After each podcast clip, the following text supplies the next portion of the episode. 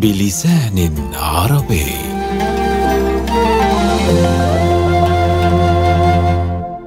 حياتي في الإدارة غازي القصيبي.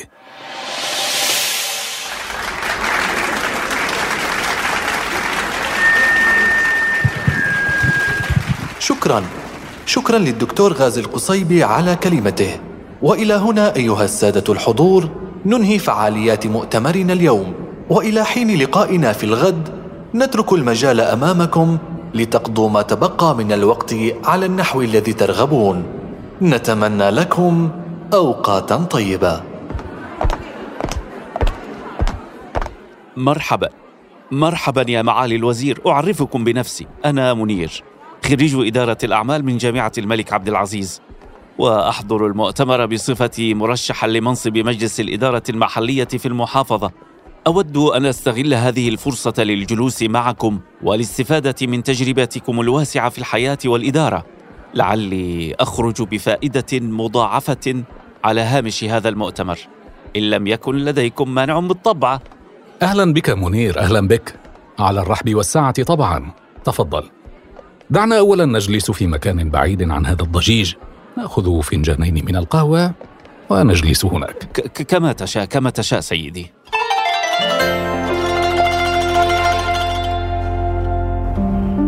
اطلعت على سيرتكم الغنية بالتجارب الحياتية والإدارية. من خلال كتابكم حياتي في الإدارة. وكان كتابا ماتعا جدا الحقيقة. وفي الواقع شدني كثيرا ذلك الجزء المتعلق ببعض الإسقاطات الإدارية على نشأتك وطفولتك. أحب أن أسمع من حضرتك عن ذلك أكثر. تكاد السنوات الخمس الأولى من حياتي يا منير أن تكون مطموسة في ضباب النسيان. لا أذكر شيئا ذا بال عن تلك الفترة ومعظم ما أعرفه عنها جاء بطريق غير مباشر رواية عن الأقارب. إن عجبي لا ينتهي من أولئك الذين يتذكرون وقائع واحداثا حصلت في عامهم الأول أو الثاني أو الثالث. قال لي الكثيرون إنني رزقت ذاكرة قوية. إلا أن هذه الذاكرة لا تحتفظ بشيء يذكر عن الطفولة المبكرة. أفلتت التفاصيل في زحام السنين إلا أن الصورة العامة واضحة كل الوضوح. ولدت في بيئة مشبعة بالكآبة. توفي جدي لوالدتي رحمه الله قبل ولادتي بشهور.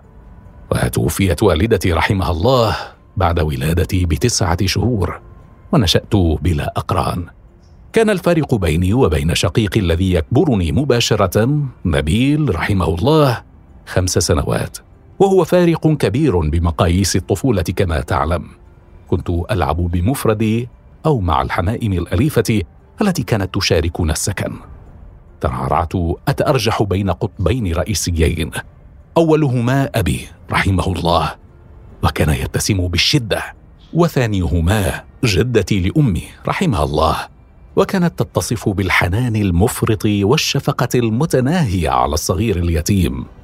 أستطيع أن أقول إن حصيلة السنوات الخمس الأولى من حياتي كانت وحدة مشوبة بالحزن وطفولة تنمو تحت عين أب حازم صارم. وفي كنف جدة رؤوم حنون. هل تركت هذه الطفولة في عقلي الباطن ميراثا وسم بسماته حياتي الإدارية؟ علم هذا عند ربي. إن كان لي أن أحاول الإجابة فإنني أعتقد أنني نشأت وفي أعماقي إحساس كامن بأن السلطة بلا حزم تؤدي إلى خطر ما وأن الحزم بلا رحمة يؤدي إلى طغيان أشد خطورة.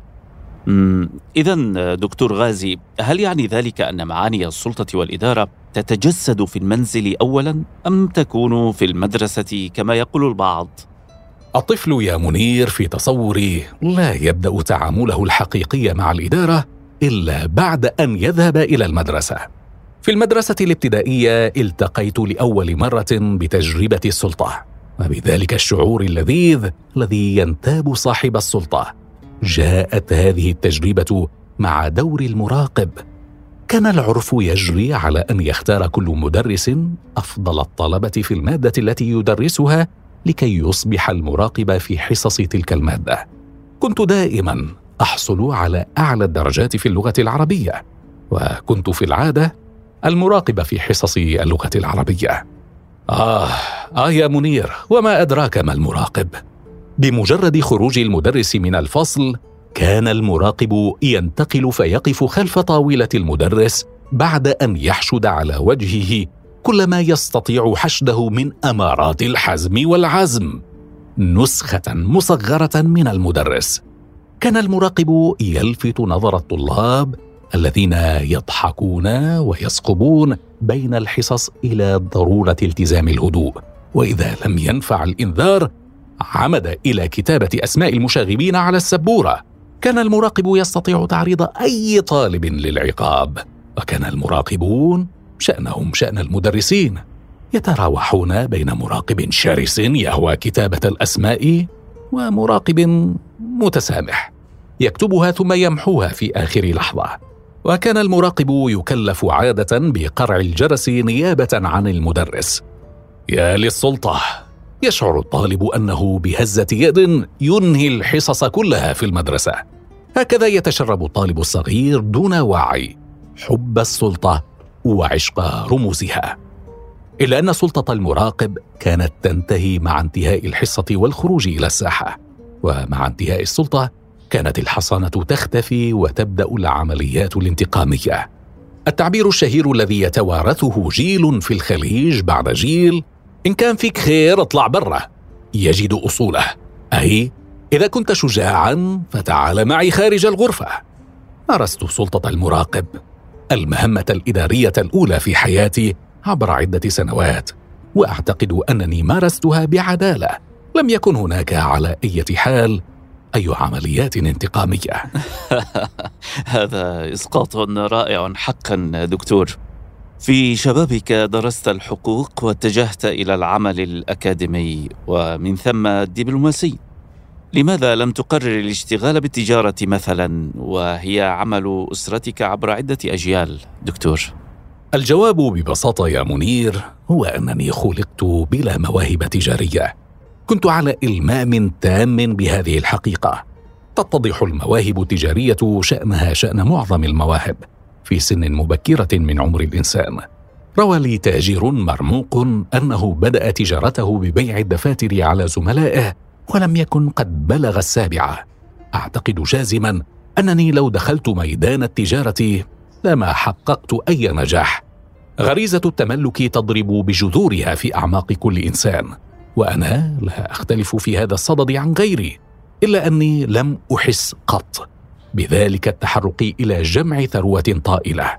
وهذا التحرك بالذات هو الذي يحرك كل تاجر ناجح. إن اكتشاف المرء مجاله الحقيقي الذي تؤهله مواهبه الحقيقية لدخوله يوفر عليه الكثير من خيبة الأمل فيما بعد. بين الحين والحين يجيء من يسألني عن سر نجاحي. إذا كان ثمة سر فهو أنني كنت دوما أعرف مواطن ضعفي بقدر ما أعرف مواطن قوتي. وبناء عليه سلكت طريق التدرج في سلك التعليم والوظائف الحكومية إلى أن تقلدت مناصب وزارية رفيعة. كيف كانت البداية؟ وهل حالفك الحظ خلال رحلتك؟ أم كان الأمر نتاج مثابرة شخصية وتخطيط للمستقبل؟ دعني أخبرك عن أول يوم لي عند تكليفي بالتدريس. استقبلني الأستاذ حسين بترحاب شديد وأبدى تكليفي بتدريس أي مادة لأن السنة الدراسية قد بدأت قبل وصولي بفترة طويلة. وقلت له إنني أتفهم الوضع ثم أبدى أسفه مرة أخرى لأن المكان صغير والمكاتب مكتظة ويصعب تدبير مكتب لي في الوقت الحاضر. لم يكن يتكلم عن غرفة. كان يتحدث عن طاولة يا منير. أود أن يعرف الذين لم يسمعوا بي إلا مسؤولا كبيرا أني بدأت حياتي العملية بدون مكتب وبدون طاولة. أذكر هذا كله للعظة والعبرة. إن عجبي لا ينتهي من أولئك الموظفين الذين يصرون على مكتب فخم في يومهم الوظيفي الأول وأولئك الموظفين الذين يقيمون الدنيا ولا يقعدونها. إذا رأوا أن المكتب لا يتناسب وما يتصورونه لأنفسهم من مكانه. إنني أفخر بالفترة الطويلة التي قضيتها بلا طاولة وأفخر أكثر بأنني لم أضيع دقيقة واحدة من الدوام. كنت ولا أزال يا منير من المؤمنين بحرية الإرادة المحكومة بقدر الله وكنت ولا أزال أرى أن على المرء أن يخطط لمستقبله بكل ما يملك من قوة وأن يعرف في الوقت نفسه أن إرادة الله لا تخطيطه هي التي سترسم مسار هذا المستقبل. الله. كما يقول الشاعر دكتور تجري الأمور على وفق القضاء وفي طي الحوادث محبوب ومكروه. ساقتك الأقدار للتدريس في الجامعة بعد حصولك على الدكتوراه في العلاقات الدولية. لو تحدثني عن علاقتك مع الطلاب وعن توظيفك لعلم الإدارة في هذا المجال. بالمحصلة لا يمكن للمادة أن تكون مفيدة ما لم تكن مشوقة ولا يمكن أن تكون مشوقة ما لم تكن مبسطة ولا يمكن أن تكون مفيدة ومشوقة ومبسطة ما لم يبذل المدرس أضعاف الجهد الذي يبذله الطالب. كنت أقول للطلبة في المحاضرة الأولى إن رسوب أي منهم يعني فشلي في تدريس المادة قبل أن يعني فشله في استيعابها. كانت علاقتي مع طلبتي من محاضرة الأولى إلى محاضرة الأخيرة قائمة على الكثير من الاحترام المتبادل والمودة. لم يكن أحد يرسب إلا أولئك الذين يصرون على الرسوب. كنت بعد الانتهاء من تصحيح الأوراق أضيف عشرة بالمئة من درجة المادة إلى كل الذين يحتاجون هذه النسبة ليصلوا إلى الحد الأدنى المطلوب للنجاح. لم أكن أفعل هذا مدفوعا بسخاء حاتمي. كنت أقوم به حرصا على توخي العدالة.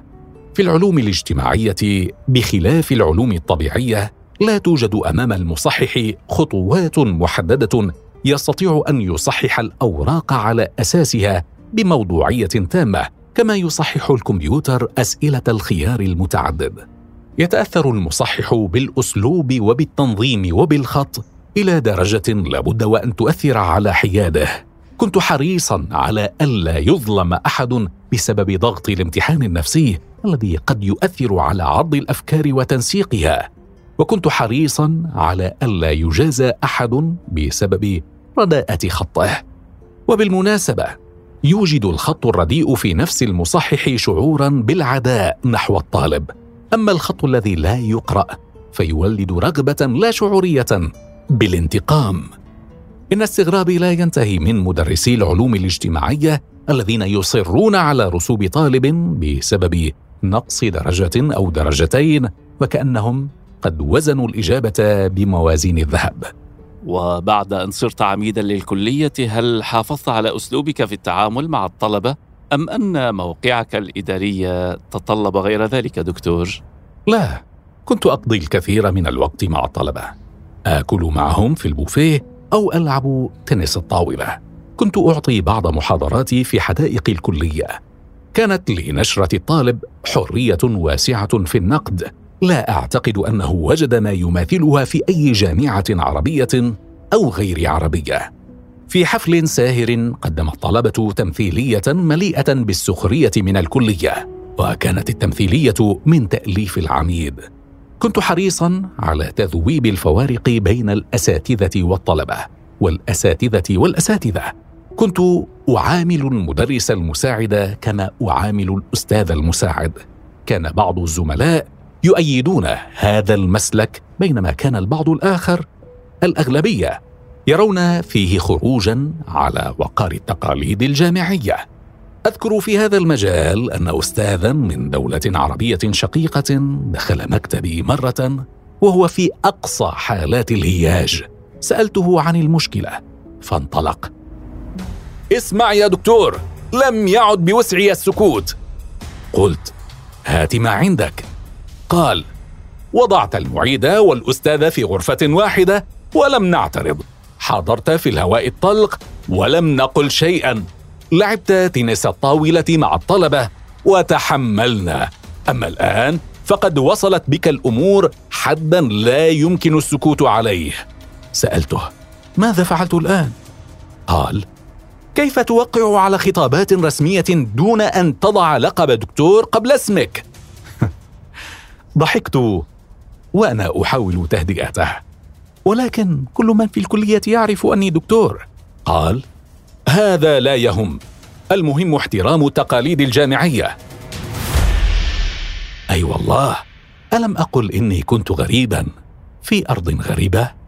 بالفعل هذا شعور يراود معظم طلاب الجامعة أيضا. دائما ما كنا نتساءل عن الدافع وراء تعامل أستاذ جامعي بدرجة دكتور بصرامة مفرطة مع الطلاب أحيانا. وعدم قدرته على شرح الأفكار والدروس على نحو جيد احيان أخرى. نعم كنت ولا أزال أرى أن شهادة الدكتوراه لا تعني أن حاملها يمتاز عن غيره بالذكاء أو الفطنة أو النباهة فضلا عن النبوغ أو العبقرية. كل ما تعنيه الشهادة أن الحاصل عليها يتمتع بقدر من الجلد وبإلمام بمبادئ البحث العلمي. الهالة التي تحيط بحاملي الدكتوراه خاصة في العالم الثالث توحي أنهم مختلفون عن بقية البشر. قابلت عبر السنين عددا لا يستهان به من حاملي الدكتوراه اللامعين وعددا مماثلا لا أزال حائرا. لا أعرف كيف حصلوا على الدرجة. وأستغفر الله من سوء الظن. لا بد أن أضيف بكل صراحة يا منير. أن أي دكتوراه يحصل عليها صاحبها من موقع وظيفي كبير تبقى في ذهني محاطة بالشبهات. وأستغفر الله مرة أخرى من سوء الظن. قلت مرة مازحا شبه جاد إن درجات الدكتوراه في العالم العربي يجب أن تقسم إلى قسمين اثنين دكتوراه ما قبل الوزارة ودكتوراه ما بعدها. وأستغفر الله مرة ثالثة من سوء الظن.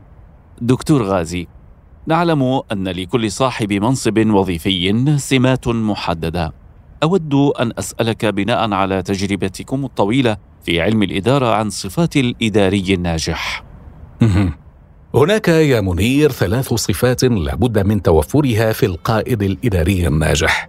الأولى صفة عقلية خالصة والثانية صفة نفسية خالصة.